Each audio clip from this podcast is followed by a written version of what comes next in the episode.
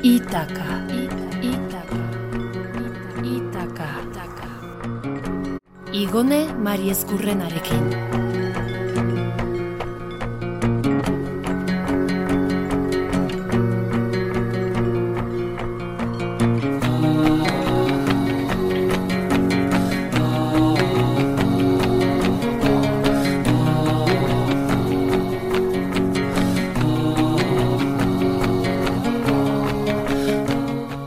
Arratxaldeon, entzule eskerrik asko beste behin itakaren deiari erantzun eta gurekin batzeagatik.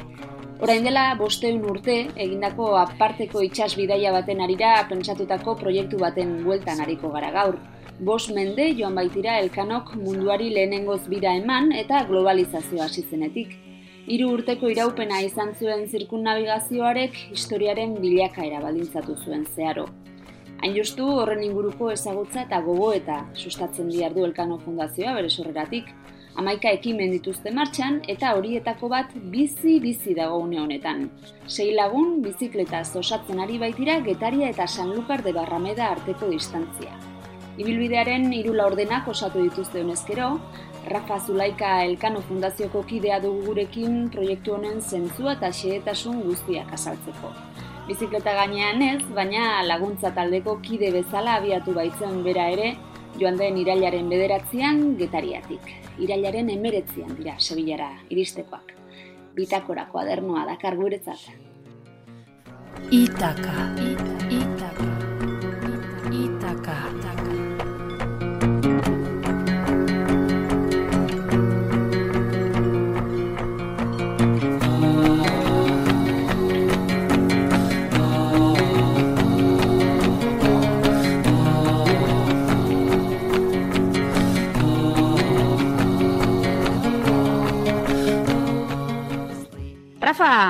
Rafa, arratsa leon. Baita zuri ere eta entzulei. Zer moduz? Non Oso harrapatu zaitu? bueno, harrapatzen gaituzue Palma del Río, eh, Mhm. Córdoba eta Sevilla artean hor nonbait. Mhm. Eta paraje baino erra. Eta Palma del Río eh, herri edo hiri hortan zehazki San Francisco eh, komentuan edo monastegian. Zoragarri, zoragarri. Paraje ederrak esan duzu nolako paisaia daukazu inguruan. Deskribatu dezakezu guretzako? Beno, agian guretzat, bai, zu Euskaldunentzat berdeari egokituak, hemengo lehorra, eh, hemengo lur kolore horiek, okre eta alakoak, horiskak, horiak, baita eh, olibondoen berdeak, eta berde horiek dira, hori, eh, ez da, amai ezinezko paisaia bat osatzen dutenak, bereziki jaen eta Kordoba lurraldetan. Eh? Ez dezagun ahaztu, ba, omen hemengo edo, bueno, e, olioa dela eta, esan nahi dut, mundu mailako ba, ekoizle lur handiena edo lurralde handiena jaen eta Kordoba dala. Mhm. Aurrera segi aurretik, Rafa, uste dut komeni dela kokatzeko eta guztiok ulertzeko zertaz ari garen, zein den proiektu honen esentzia edo izateko arrazoia. Honezkero ibilbidearen hiru laurdenak osatu dituzue, baina proiektua jaio edo behintzat ernaldu eta egosi askoz lehenago hasi zineten egosten, e, ofizinan, zuen buruetan, zein izan zen Mhm. motivazioa, zein izan zen, esan bezala, izateko arrazoia, ez?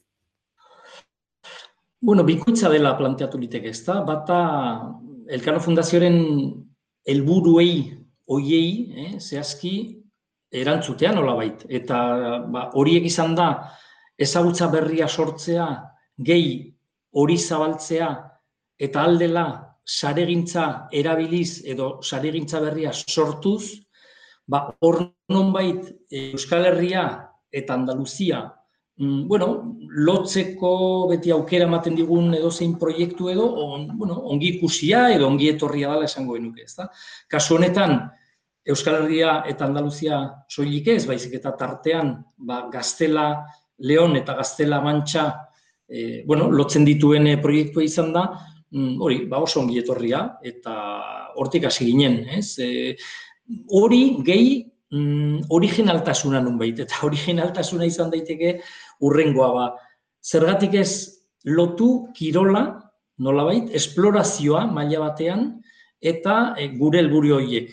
E, orduan, hortigan sortu zen, ba, bueno, nubait, txerrindaz egiteko, e, ba hori, txango baten ideia. Eh? Eta, bueno, erruta eta ibilbide desberdinak badaude, baino hause bera, eh, magaila esen e, nunbait espedizioa eta bereziki elkanoren lehen mundubira hori e, oinarri edo ardatz izango luken e, bueno, txirrinda ibilbide bat, bueno, ba hori sortzeko gogua, eh? eta eta alari gara, bueno, ari dira, barkatu, nik laguntzen baititu, eta ari dira ja eh, nubait hori lortzen. Iberiar pentsula iparraldetik egoaldera zeharkatzen duen ibilbidea marrazten ari zarete, zergatik da hau bidea eta ez beste bat? Zertan oinarritu zarete marrazteko, hau marrazteko? Bueno, beti pentsa zakegu, a ber, bueno, lehen mundu bira gogoratu behar da, eh, agian, eta eta hortigantze esan dugu, ba, ba pipintzelka datan, eh, hainbat eta hainbat marinel Euskal Herritik abiatutakoak zirela, gero zehaztuko dugu, nahi bali maduzue, gehi ontziak, eh, bostetik hiru Euskal Herrian eh, eraikiak. Eh. Eta, eta nondik abiatu ziren, gero lehen mundu bira hori izango zen hortan eh, aritzeko, ba, ba Sant bueno, Sanlukarretik ozeano aldera eta egun batzu lehenago Sevillatik han osatu eta antolatu, berez antolatu baitzen eh, espedizioa, mailesen espedizioa. Orduan, hor dugu trama, tramaren elementu nabarmenenak hortxe ditugu. Eh? Eta marinelak direla, ontziak direla eta espedizio bera. Eh? Joan etorrikoa, Sevillak ere esaten du, origeni destino erabiltzen du ba, lelo bat bezala, Sanlukar ere ba, ozeanoaren atea, Eh? Eta, bueno, geu, ba, ba, ba elkano eta beste hainbaten, hainbaten e, sorlekua. Mm Kasi, kasteterdiko bizikleta zeharkaldia egiten arzen izarete, e, ezinezkoa da guztia laburbiltzea saio txiki honetan, Hortaz, e, Rafa, zulaik askatuko izut mesedez, aipatzeko zein diren bideo honetan zure ustez mugarri nagusiak. Euskal Herritik abiatu, lehen aipatu duzu, Gaztela Leon zerkatu zenuten, Gaztela Mantxa, orain Andaluzian murgilduta zaudete, zein izan dira itoak edo leku garrantzitsuenak bideo honetan? Ara, ba, galderarik zailena, ez? Baina, bueno, laburtzen zaila gaitezen. Lehenik eta behin, esan bezala, Euskal Herri mailan ba, hor kostaldean, e, nubait, marileren sorleku, ala nola, aipatuko nituzke, nola ez, get, ba, Eh, getaria, elkanoren getaria, baino baita adibidez Bernio, eh, handi zazpi lagun abiatu baitziren, eta bereziki untzien eh, nubait sorlekuak ere esan diteke. Eh, eta hor ondarru, eh, lekeitio eta erandio. Bitxia da, ze gaur egun erandion, eta orain hor aprobetsatu horregoteko, ba, orain ere hor ontziolak badaude. Mm -hmm. baten nahi ja aztarna dira, baina erandion, oraindik jarduerak ba, jarraitu, jarraitu egiten du. E, gaztela leonerantz edo joana, ba, baile demena, izeneko lekuetatik abiatuta, konturatzen zera, kostalde horretara zertxo bait ekarri egiten zala. Eta horiek ziren, ba, lengaiak, ala nola artilea, baino beste hainbat eta hainbat gauza. Eh? Eta joan etorrian, e, ipar Europatik Euskal Kostaldera eta hortik penintxulan barra. Eh?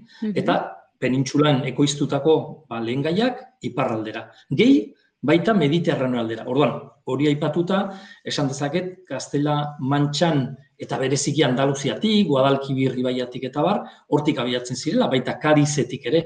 Kadizek egiten zuen nolabait, e, bueno, hor nodo, esango genuke gaur, e, Atlantiar flota gehi mediterrano aldera jotzen zuten e, ontzien artean. Eh? Eta gero denetarik, e, kirol mailan txirrindulariak esango lukete, ara, ba, adibidez, despeña perros, Igoitzana. mitikoa, ez da? Mendate mitikoa. mitikoa, eh, eta erronka bezala zutena dena buruan, eta eta txalogarria egin zuten moduan. Aha. Eta, bueno, ba, Andaluziara, bueno, atea ireki zigun edo zien e, despeina perrosek ere, orduan geratu zaio hor nonbait, e, zera. Eta neri pertsonalki, ba, jo, asko gozatzen ari naiz nonbait Andaluzian, hainbat eta hainbat lekutan ikusten duzun e, kultura nistasunaren e, froga hori, ez? E, hemen gauzatu inda hori urte eta urte eta mendetan esalitek ere. Mhm. Orduan, erruta diren zahar horiek baita gaztelan ere, eh? hartzainen eta kaltzada, erret kaltzada baten e, bidetik, beretik, e, haien kasi urratxetatik e, abiatu izana, ba, oso benetan inspiragarria da. Mhm. Taldekideak, partaideak, espediziokideak aipatu dituzu lehen, Perros mendatea dela eta tira, hemen ere egonda aukeraketa bat, bidea marraztea zuzezik, e, taldea bera ere marraztu behar izan duzue, eta jakinaiko nuko zen izan den horretarako irizpidea, zertan oinarritu zarete persona batzuk eta besteak aukeratzeko, zer bilatzen zenuten eurengan?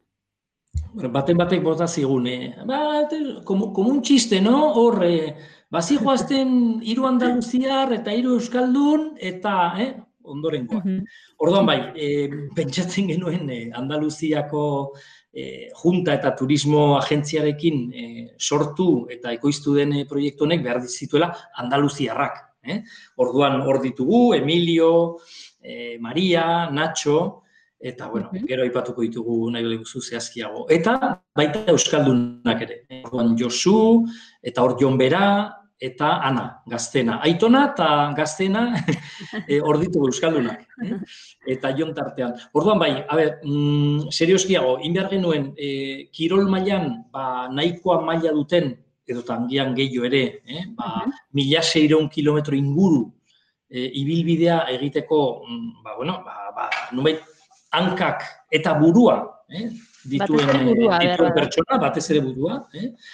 Eta hortikan kirolari profil hori, eta baita mm, e, norberak zerbait emateko nubait zuena eta taldea ez ezaguna izan da artean, ba, talde baten osatzeko e, fin, gure ustez behintzat ba, e, ekarpen polita ingo lukena, ezta? Eta bueno, asmatu dugula esango nuke. Eh? Bai. Ikusten da benetan bilakaera bat gertatu izan da hori. Mhm. Pozik zaudete hortaz.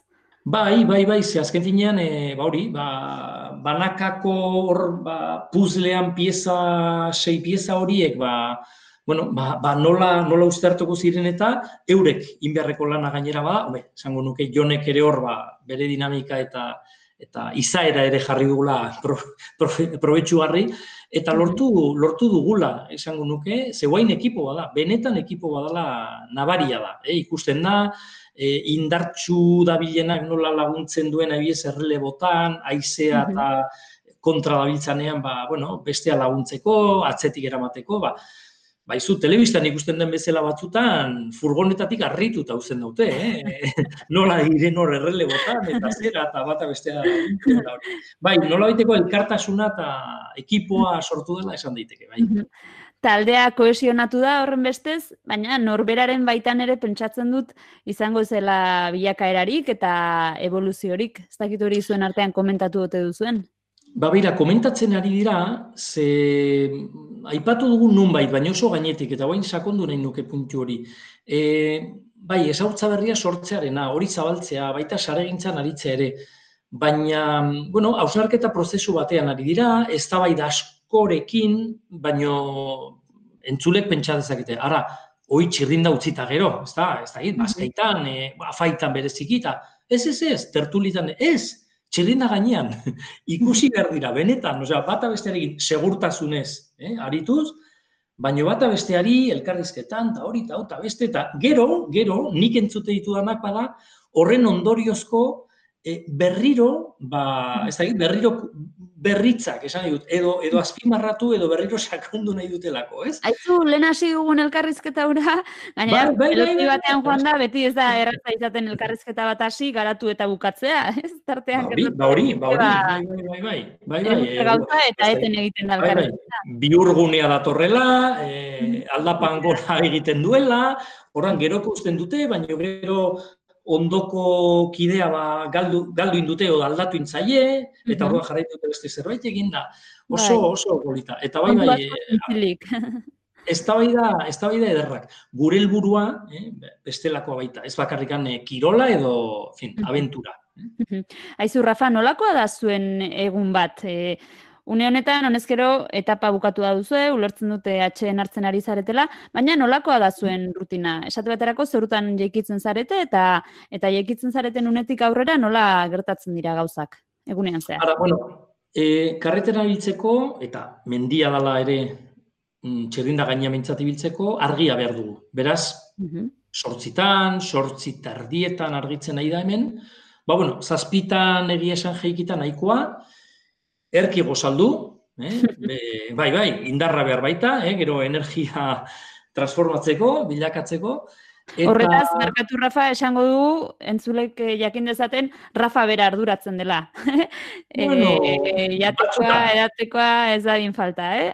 Batzutan, batzutan. Beste batzutan ere, ba, terpe politiak eta baditugu, eta danak benetan ze esku zabaltazunez, eta ari, ari, ari diran eh, gu nunbait eh, hartzen, ezta? Mhm. Baina bai, bai, hor- hortan, orduan goizeko sortzi tardietan, eh, abiatzen dira, eta hor badituzte, behintzat, ba, pare bat ordu txirrinda txango, e, kafe pixa deitzen dugun e, olako ba, paradatxo bat, eh?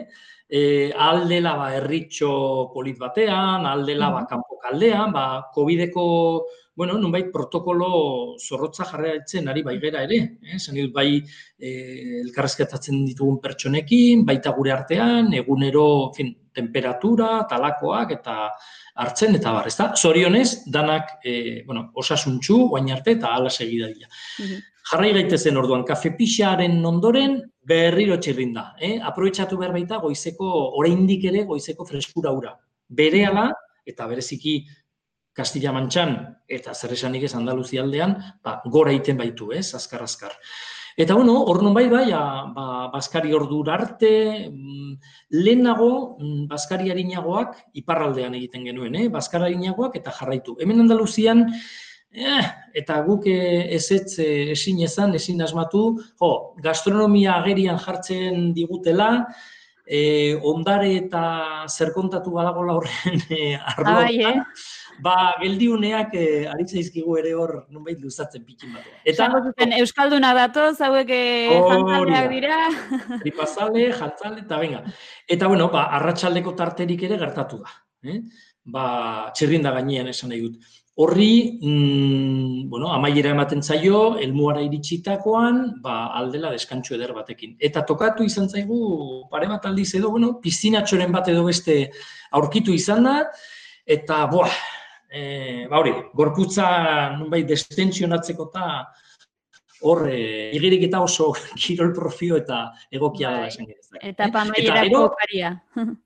Bai, eta gero beti, ba, bueno, hausnarketa batekin jarraitu, mm, nonbait eh, topaketa batzuk eh, egin, eta aldela, en fin, mm, amaikak baino beranduago ez, eta aldela marta ardietan ere, jagabez, eh, lotara. Ze, Mhm. bueno, ba, gorputzak ala behar baitu. Mhm. Se askara, umetxo hau bezala. atxean. Bai, bai, bai. Rafa, zuk eh, pelotoia jarraitzen duzu, edo saiatzen zera behintzat bideak eh, albidetzen duen enean behintzat, baina bestela zen neurritan Bueno. da autonomoa taldea. Bai, esan genezake pelotoia kontrolpean eh, e, eukitzen dudala, eh, edo saiatzen naiz binipen. Baina ez, du, ez bultzatu nahi eta ez eh, presionatu nahi. E, hori ez baita nire lana eta ez da egokia. Hartara, bai, autonomia asko dute, prestatu ditugu trakinak, trakinak esan nahi dut, entzule batzuek ez ez baidakiteagian, e, kilometroz kilometro bidea. Eh?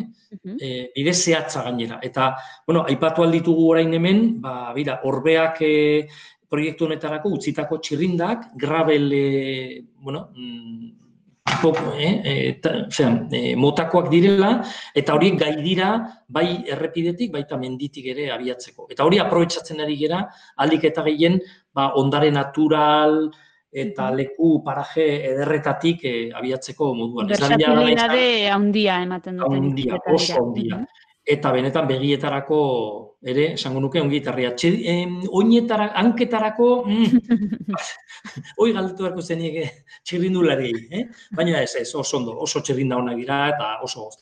Eta bai, autonomioekin jarraituta, ba, bueno, mm, alfor jakin dijoazte, bi lagunek behintzat badute denetarik hor, taldeak ere bere ba, bidoiak baditu, ura, e, hortan behar, dit, behar dute alik eta autonomia gehien, izan, ze nik batzutan jakin badakit nun dauden, baino e, enaiz bere atzetik e, abi, ari, e, et, eta ezin dut agian e, momentuan e, gerturatu. Eh? Eta bueno, ba, egia esan baudeke utzitako materiala hor badugu eta boa, e, ondo aprobetsatzen nahi dira. Betetzen dituzte alforjak eta behar den guztia bada espadere, eh, horren ematen dute, eta ni ikusizkeo pozik, ni bereziki haiek ikusteagatik pozik, baina bestela, tira, eta kilometroak egin aurrera, eta jarraitu beren dinamika. Hortan nahi dira, bai. Bikain. Rafa, amaitze aldera, proiektu hasieran edo proiektu egosi zenuten unean zeuen buruari markatutako helburuetatik zein eta zein neurritan esango zenuke bete direla? Beno, ba, nubait erresa da, esatea, esan dut, zuk aipatu duzu, ibilbidearen hiru laurdenak egina.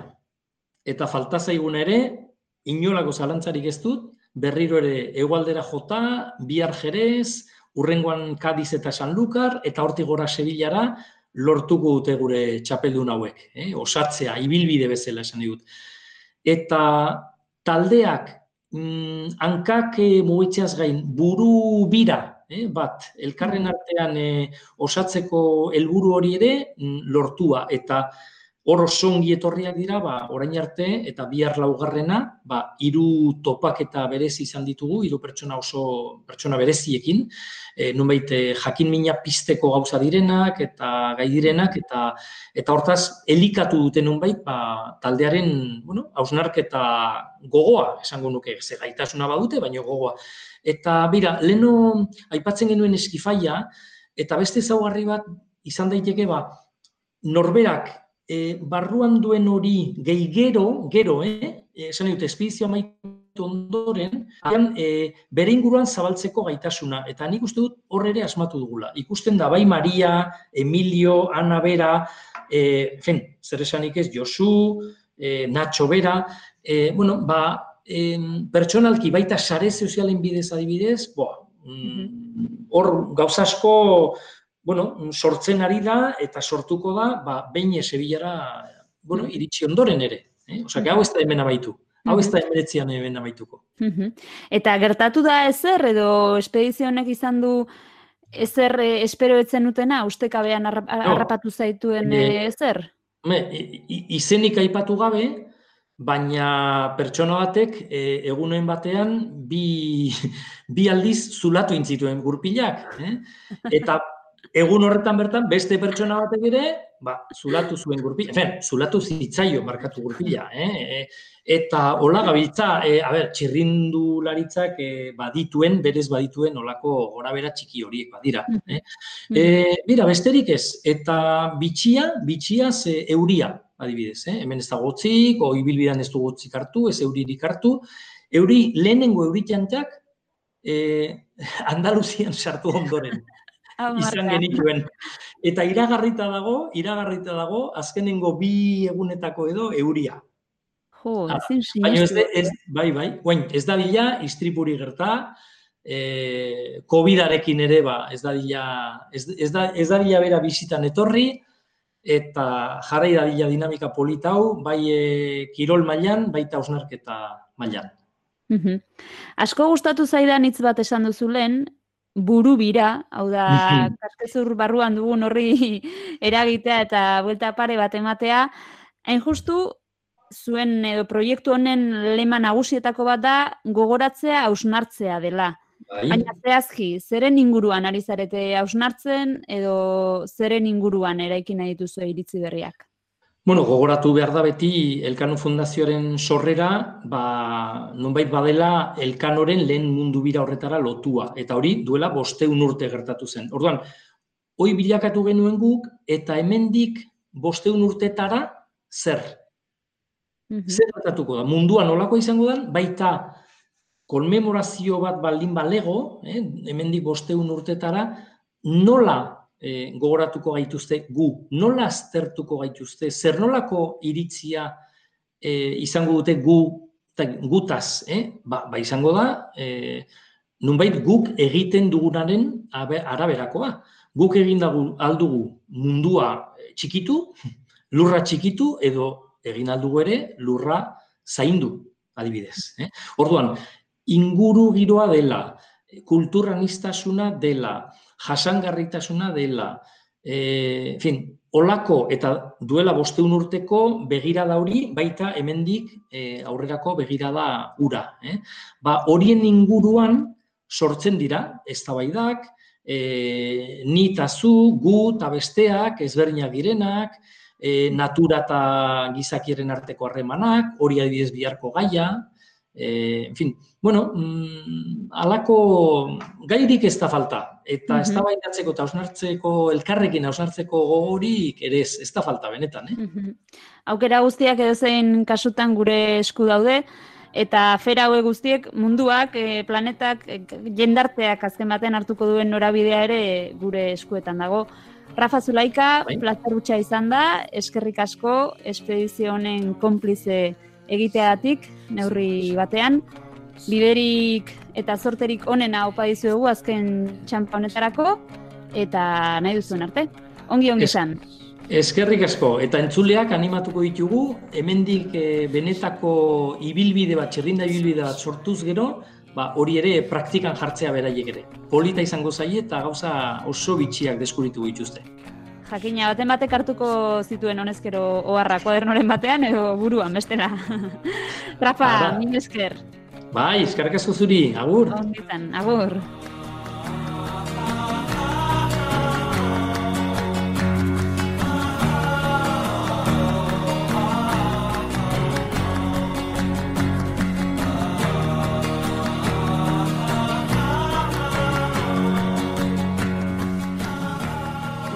Baten arira edo horren aitzakiapean buru bira egitea bilatzen du hortaz Elkano Fundazioak sustatutako Magallanes Elkano espedizio honek.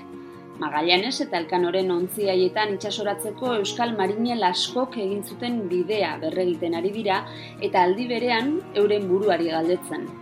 Nola gogoratuko gaituzte bosteon urte barru? Zuentzat guztientzat ere badoa galdera, nolako imaginatzen duzu hemendik bosteun urtera mundua? Nolako jendartea nahi duzu? Zen norabide emango zenioke aurrerantzeko historiari? Kuestio mardula dira eta arerantzen mardulagoak zior. Tira, bien bitartean beti diogun bezala, zoazen norantzkoan zoazela ere luzatu eta gozatu bidea. Elmugan ez baitago aparteko ezer gure zain. Laster arte, segi bizkor.